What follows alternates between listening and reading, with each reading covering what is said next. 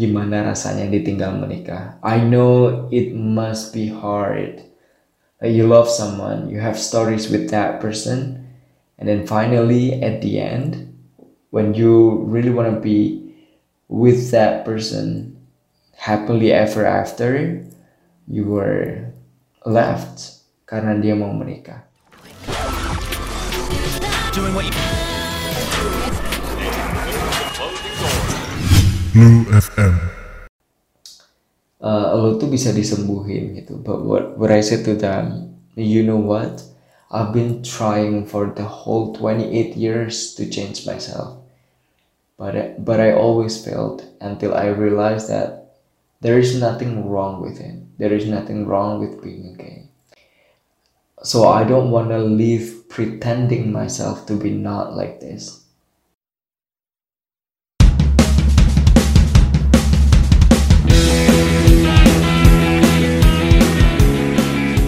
Hai Blue People, selamat bergabung di Blue FM Masih bersama gue Kido Maxi. Gue tuh selalu bilang Kalau misalnya orang-orang kayak kita tuh Mau dipungkiri segimanapun Butuh yang namanya penerimaan. Nah penerimaan ini bisa jadi dari teman Dari keluarga atau dari lingkungan. Nah itu dia. Makanya hari ini kita akan kupas tuntas tentang momen-momen penerimaan terhadap kaum pelangi yang dialami sama teman-teman di sekitar kita.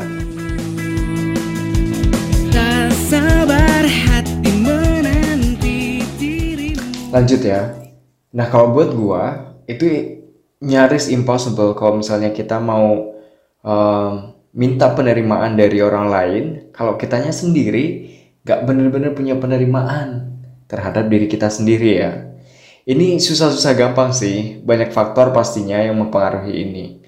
Bisa dari keinginan masa depan bahwa lo emang nantinya mau keluar dari dunia pelangi.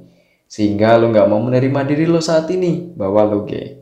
Karena kalau lo nerima, lo takut nggak akan bisa keluar nantinya. Nah, ini bisa juga dari faktor lingkungan dan orang tua. Misal, kalian di- dibesarkan di keluarga yang super islamik.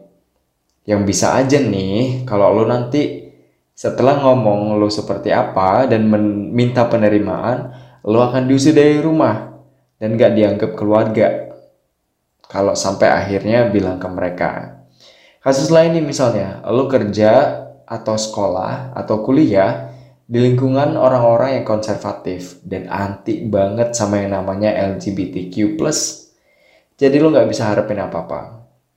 Ini kondisi-kondisi susah yang akhirnya gak bisa bikin lo dapet penerimaan atau bahkan gak mungkin buat lo ada keinginan untuk come out ke mereka karena ketakutan yang udah ada di benak kita sendiri. Gue ada sedikit cerita dari momen coming out yang berujung penerimaan yang gue alamin. Eh, gini, gue sempat ada hubungan sama seseorang yang gue sangat percayai untuk nyimpen rahasia-rahasia gue saat itu. Bego emang. Ya saat itu ya, lagi bego-begonya. Awalnya ada sedikit keraguan memang. Cuman dia selalu berusaha untuk meyakinkan gue untuk cerita ke dia. Dan nyoba bener-bener yakinin. Kayak berkali-kali nanya tentang eh, lo serius gak mau ada orang lain buat cerita tentang hal ini dan segala macam. Sampai akhirnya gue nggak sadar bahwa itu dipakai buat senjata untuk ya mencoba melemahkan gue. Kejadian rumit sama dia dimulai ketika hubungan kami waktu itu lagi ada masalah. Ya, masalah yang rumit yang nggak mungkin bisa diselesaikan. menurut gue sih udah selesai, cuman emang menurut dia emang nggak selesai. Sampai akhirnya dia tanpa sepengetahuan gue cerita ke kakak perempuan gue. Dan ya, gue sempat kaget dengan hal itu. Cuma ternyata responnya berbeda.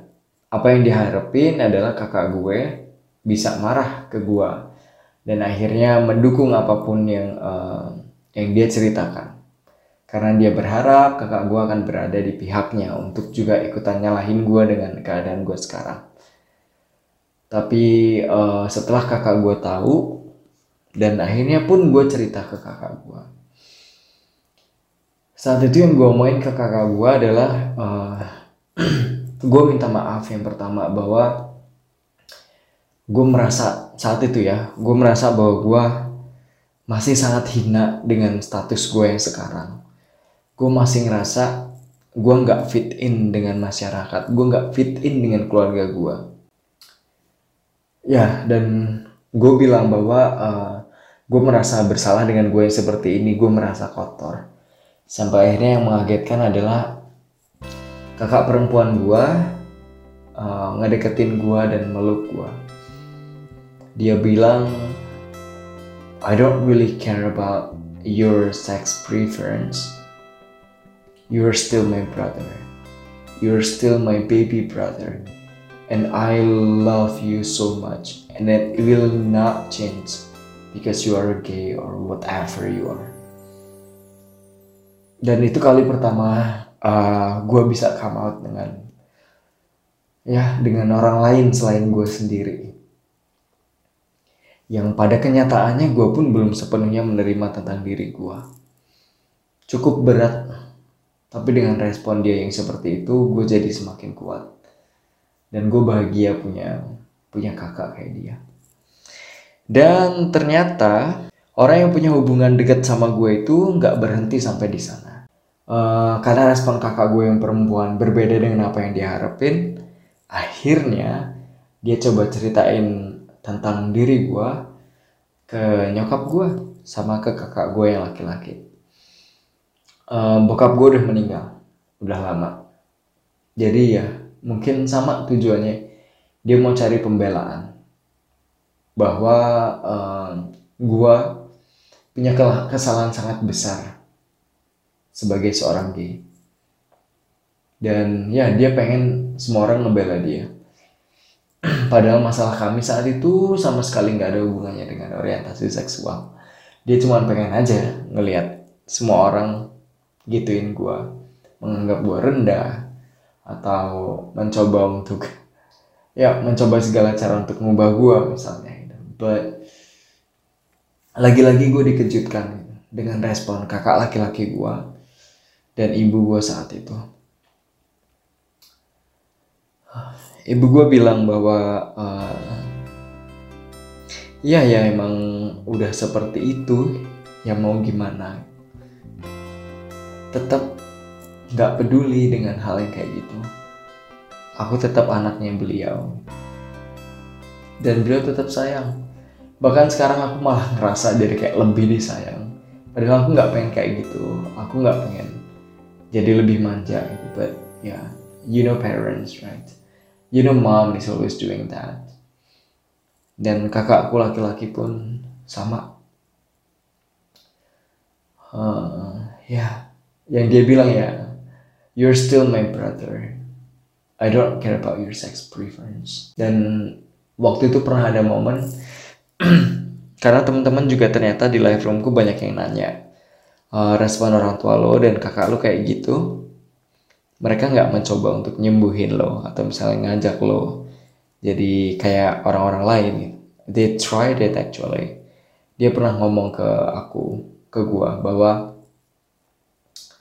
uh, lo tuh bisa disembuhin gitu but what what I said to them you know what I've been trying for the whole 28 years to change myself but but I always failed until I realized that there is nothing wrong with it there is nothing wrong with being gay. So I don't want to live pretending myself to be not like this. So yeah, yeah I said to him uh, aku udah coba dan bukan bukan untuk dicoba. Memang kenyataannya nggak bisa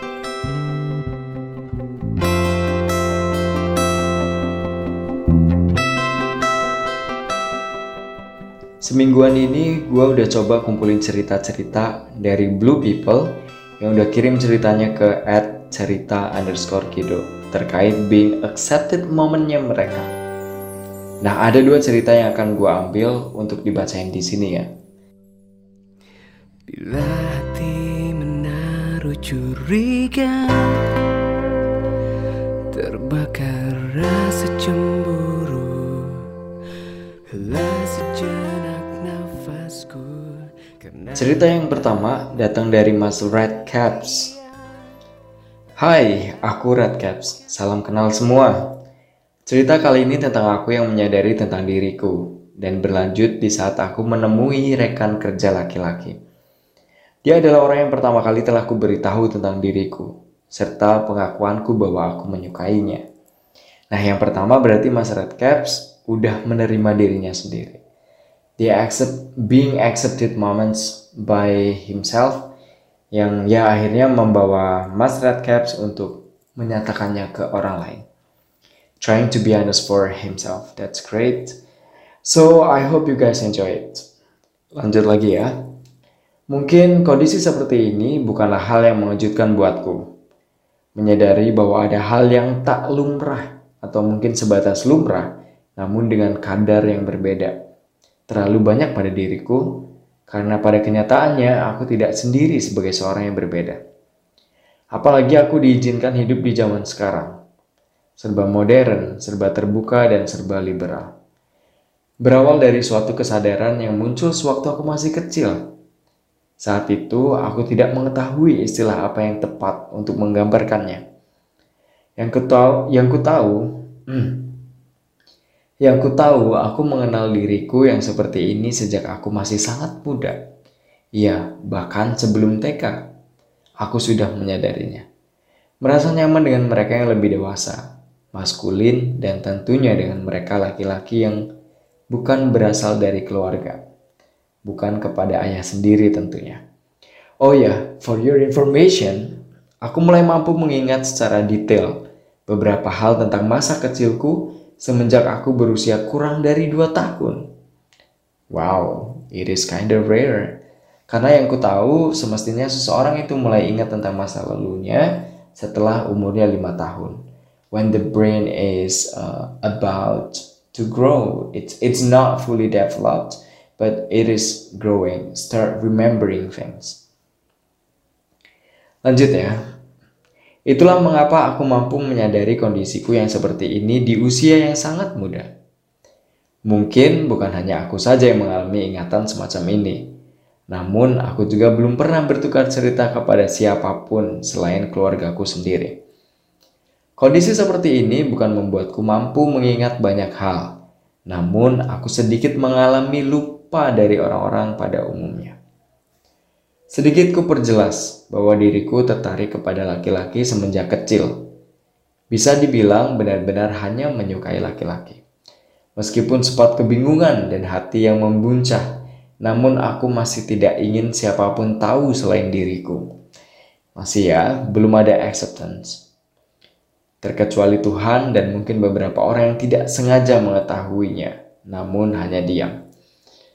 Tentang masalah percintaan, aku bukan tipikal orang yang mudah terbuka. Selama ini percintaanku sangat terbengkalai, bisa dibilang nol. Memasuki usia 22 tahun, aku telah sampai di lingkungan baru. Lingkungan yang menuntutku untuk siap bersikap profesional. Yap, aku bekerja di salah satu lembaga riset yang menangani tentang virus.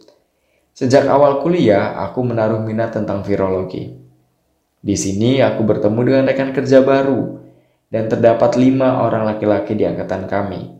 Kebetulan aku dan satu kawanku, Yopi, berada dalam satu arahan supervisor dan mendalami bidang yang sama. Hari demi hari kami lewati dan melakukan beberapa proyek bersama. Kami cukup kompak dan cekatan dalam menyelesaikan pekerjaan kami. Kami berdua tinggal di lingkungan yang sama, ngekos, hanya saja berbeda induk semang. Suatu ketika aku menghampiri Yopi di kosannya dan mengajaknya makan malam. Setelah itu kami lanjutkan dengan beberapa perbincangan santai serta mendiskusikan beberapa hal yang berkaitan dengan pekerjaan kami. Tidak terasa hari sudah larut malam dan ia memperbolehkan diriku untuk bermalam di tempatnya. Padahal kosan kami berjarak cukup dekat namun di luar memang sedang hujan dan udara yang cukup dingin, akhirnya aku bermalam di rumah Yopi. Hari sudah pagi dan aku segera bergegas pamit untuk bersiap diri menuju kantor. Begitu juga dirinya. Bebaskan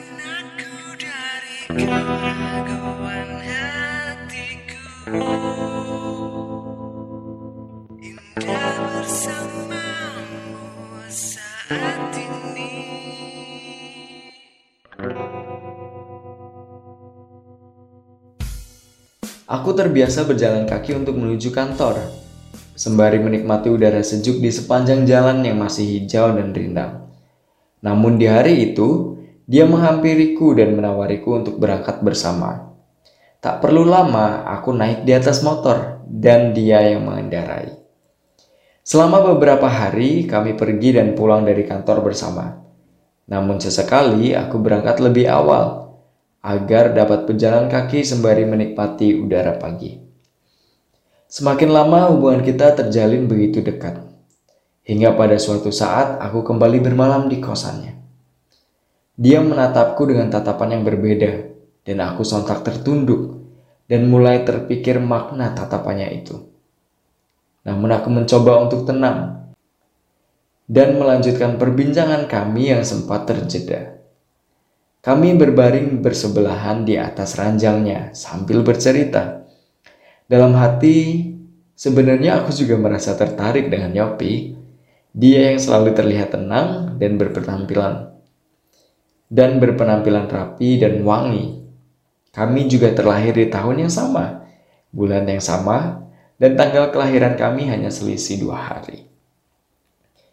Kami berdua telah terlelap, namun aku terjaga di tengah malam. Aku mendapati dirinya yang tertidur lelap menghadap ke arahku. Aku mencoba merapatkan tubuhku dan sedikit mengenai tangannya. Rupanya dia tidak bereaksi. Dan kuberanikan diri untuk bersandar di bahu dan melanjutkan tidur dengan memegang lengannya. Dia masih saja tak berkutik. Dan seberkas cahaya lampu mengenai bajunya yang sedikit tersingkap. Terlihat kulit bagian pinggul yang bersih dan segar, membuat pikiranku sedikit meracau. Aku mencoba menyentuh bagian pinggulnya dan hal tersebut membuat dia terbangun. Shit. Kami saling terkejut. Dia mendapati diriku yang sedang memegangi lengannya. Kemudian kulepaskan begitu saja. Lalu dia hanya berbicara. Shh, shh, sudah tidur lagi saja ya. Masih ngantuk. Kok lucu. Dengan suara berat dan tenang. Kemudian dia kembali tidur membelakangiku.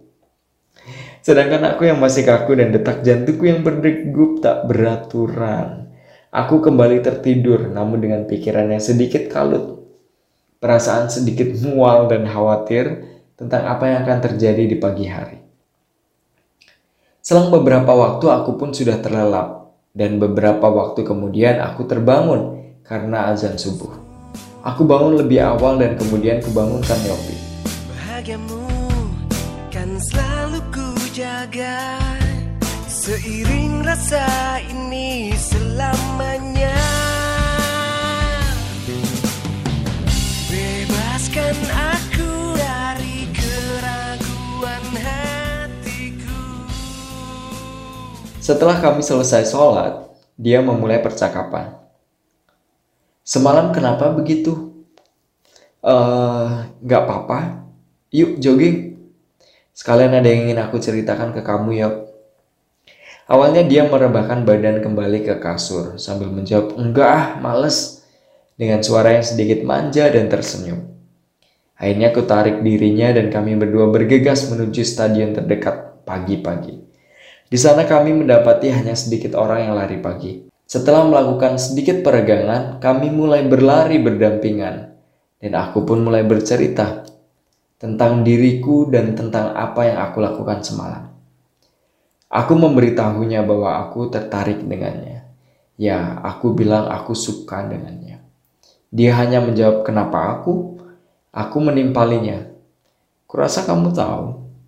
Dan dia kembali bertanya, siapa lagi yang tahu tentang dirimu? Aku sedikit bercerita dan mencoba jujur.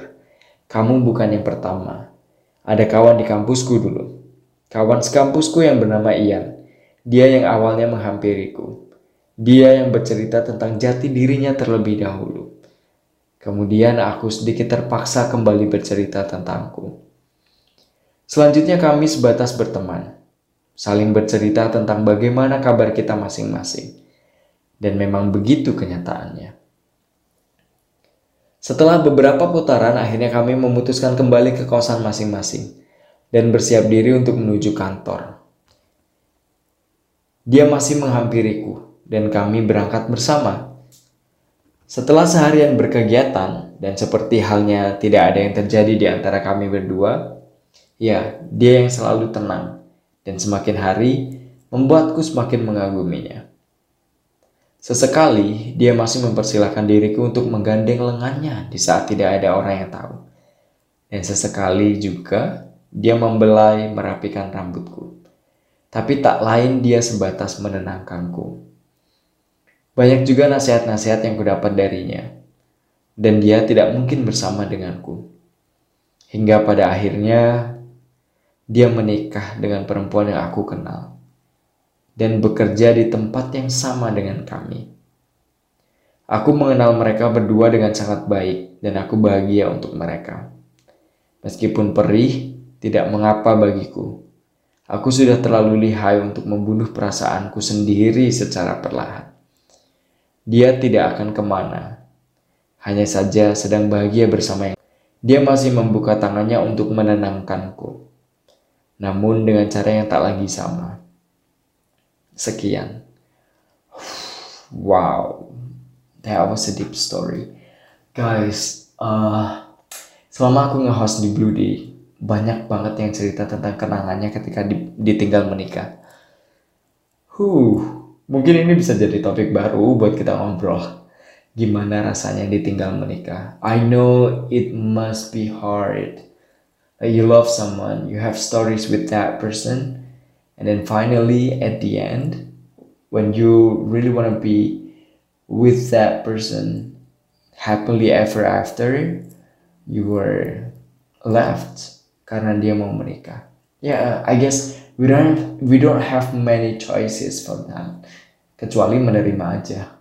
Karena memang ya silahkan we again cannot control anyone else. We can only control ourselves dan kalau mereka mau menikah ya silahkan.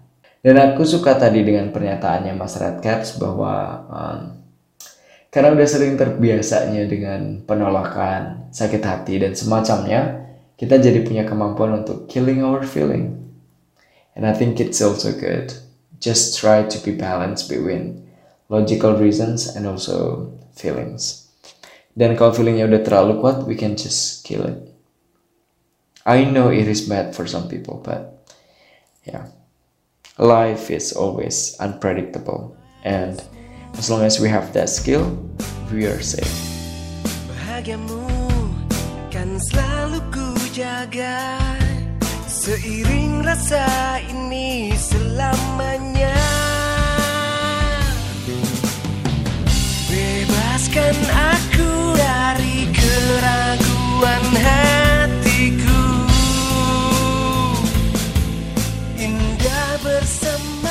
Buat yang pengen cerita-cerita juga, boleh banget cerita kalian dikirim ke cerita underscore kido, C-nya besar, K-nya besar di aplikasi Blue Day.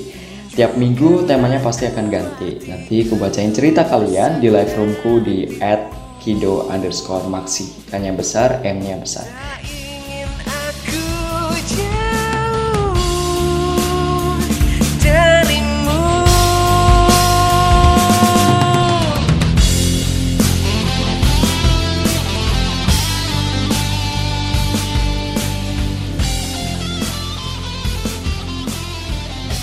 Nah, cerita kedua datang dari Mas Agam SNT.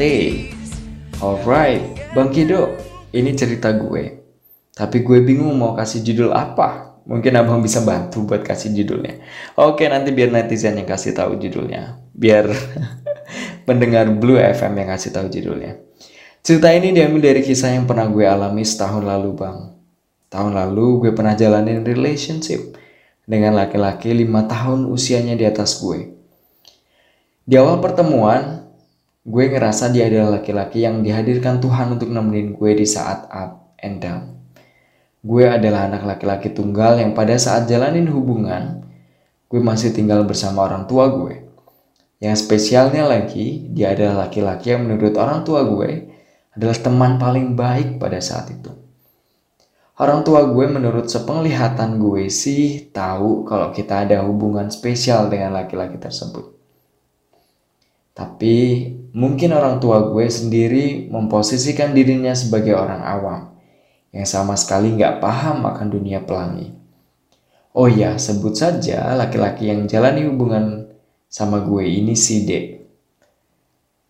Di setiap kali kami, gue sama si mau pergi, orang tua gue selalu berpesan kepada si untuk tetap ngejaga anak semata wayangnya dengan baik, layaknya cara menjaga abang ke adiknya.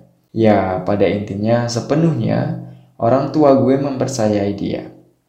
Dan di awal hubungan kita, si D selalu menunjukkan sikap baiknya ke gue. Dia baik serta perhatian ke orang tua gue juga. Sama sekali kita nggak ada judge kalau dia adalah orang yang sampai saat ini kita nggak habis pikir bakal ngelakuin hal yang di luar logika pokoknya. Singkat cerita, lebaran tahun lalu gue sampai berani ngenalin si D ke tante gue yang tahu tentang gue kalau gue menyimpang. Alright, so he actually had two being accepted moments. Yang pertama, menerima diri sendiri. Yang kedua, menceritakannya ke tante. Sampai tantenya menerima. Good job, Mas Agam. Lanjut ya. Dari cerita penerimaan ini, si tante gue cukup merespon baik-baik dengan si D. Yang gue kenalin di lebaran tahun lalu. Dan gue juga sempet dikenalin di keluarganya si D. Orang tua dan kakak perempuannya. Karena menurut cerita si dia, kakak perempuannya juga udah tahu kalau dia menyimpang. Berjalan dua bulan setelah lebaran, gue ngerasa si D mulai ngerubah sifatnya. Entah apa yang bikin, bikin dia berubah, sifatnya ke gue, gue juga masih bingung. Suatu ketika kita punya konflik karena ada chattingan orang lain yang masuk ke HP-nya, sampai nelponin gitu. Dan diangkat pun di depan gue saat dia lagi ada di tempat gue. Di dalam teleponnya, orang tersebut meminta pacar gue untuk main ke kosannya yang baru katanya. Dan ini kejadiannya malam banget. Sekitar jam satuan, waktu kita udah mulai mau istirahat. Dengan penasarannya gue memutuskan untuk keluar rumah dan datangi orang itu. Karena gue ngerasa ada yang janggal. Gue sih berpikir kalau dia mulai mau selingkuh. Setiba di kosannya, lu tahu apa yang terjadi bang? Hmm, ada drama nih kayaknya. Labrak-labrakan, jambak-jambakan, atau lanjut ya. Si orang yang meminta pacar gue datang ke situ, dia nggak berani buat keluar kosannya karena gue yang telepon dia setibanya di lokasi. Gue sih cuma pengen tahu aja buat apa nyuruh pacar gue datang tengah malam ke situ. Bilangnya pengen tahu, padahal udah jelas ini case-nya adalah labrak-labrakan karena nggak suka pacarnya dihubungi sama orang lain. I got that point. Intinya si orang tersebut gak mau keluar dan gue dengan si D debat di situ sampai gue ditinggalin di depan kosan orang tersebut. Dan itu sama sekali di pertengahan kampung yang gue nggak tahu daerahnya di mana. Tiap kali dia di rumah gue, orang tua gue juga selalu respon baik, termasuk ngasih makan dia dan nyuguhin kopi buat dia kalau dia minta.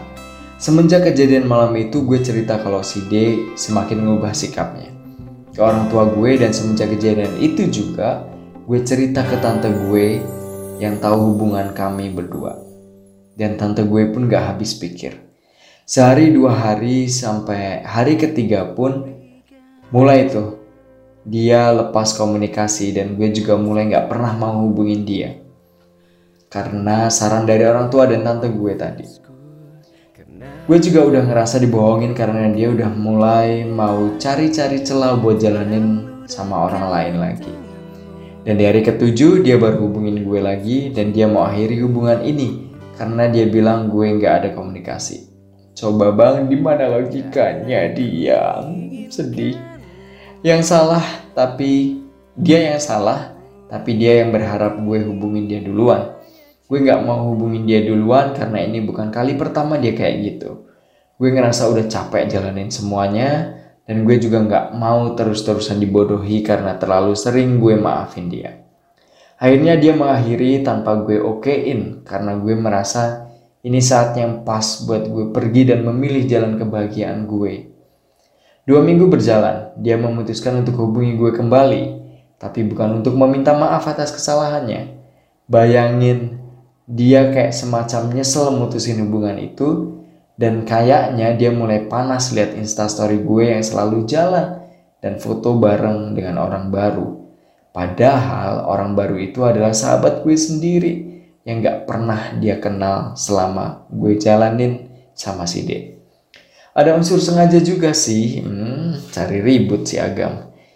Sebenarnya gue pasang story kayak gitu biar dia tahu gue udah move on selepas dari dia dan gue udah menikmati hidup gue tanpa kekangan apa pun. Hmm, manja ya ceritanya. Dari chat yang dia kirim pasti lu nggak bayangin bang kalau dia ternyata minta kembaliin apa yang pernah dia beliin ke gue. Alright, padahal apa yang pernah gue kasih nggak pernah tuh gue minta kembaliin. Selepas dia mutusin hubungannya, shit banget sih.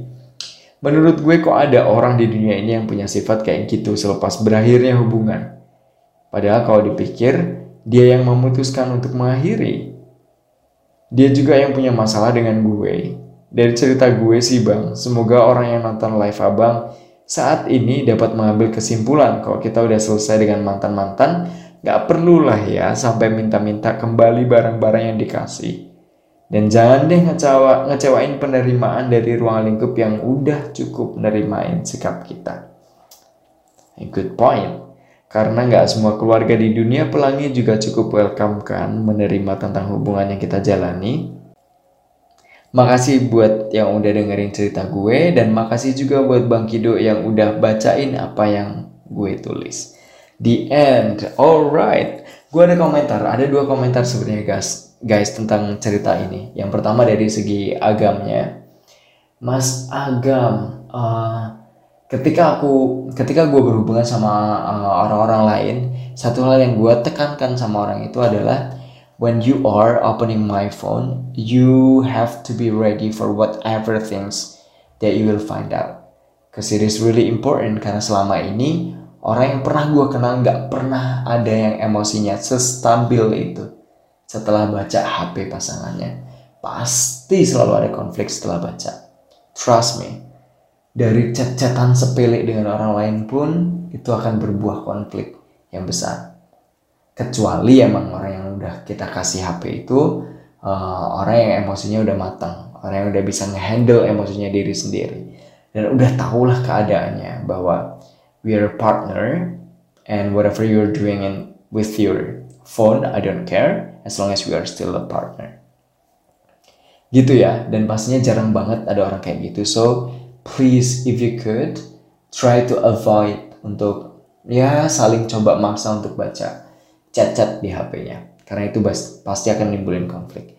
Dan yang kedua dari Mas D. Aduh, Mas D, kelakuanmu Mas, Mas. Mana ada orang udah ngasih barang terus diminta lagi.